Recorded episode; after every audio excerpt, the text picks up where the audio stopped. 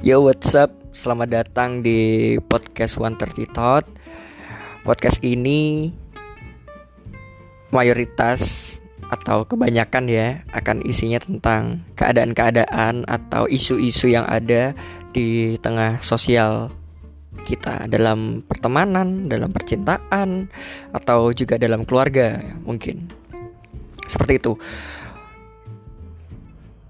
Harapanku dengan adanya podcast ini kita bisa sama-sama belajar, sharing dan uh, mengambil intisari yang baik agar kita bisa open minded gitu ya dalam bersikap dan berpikir gitu.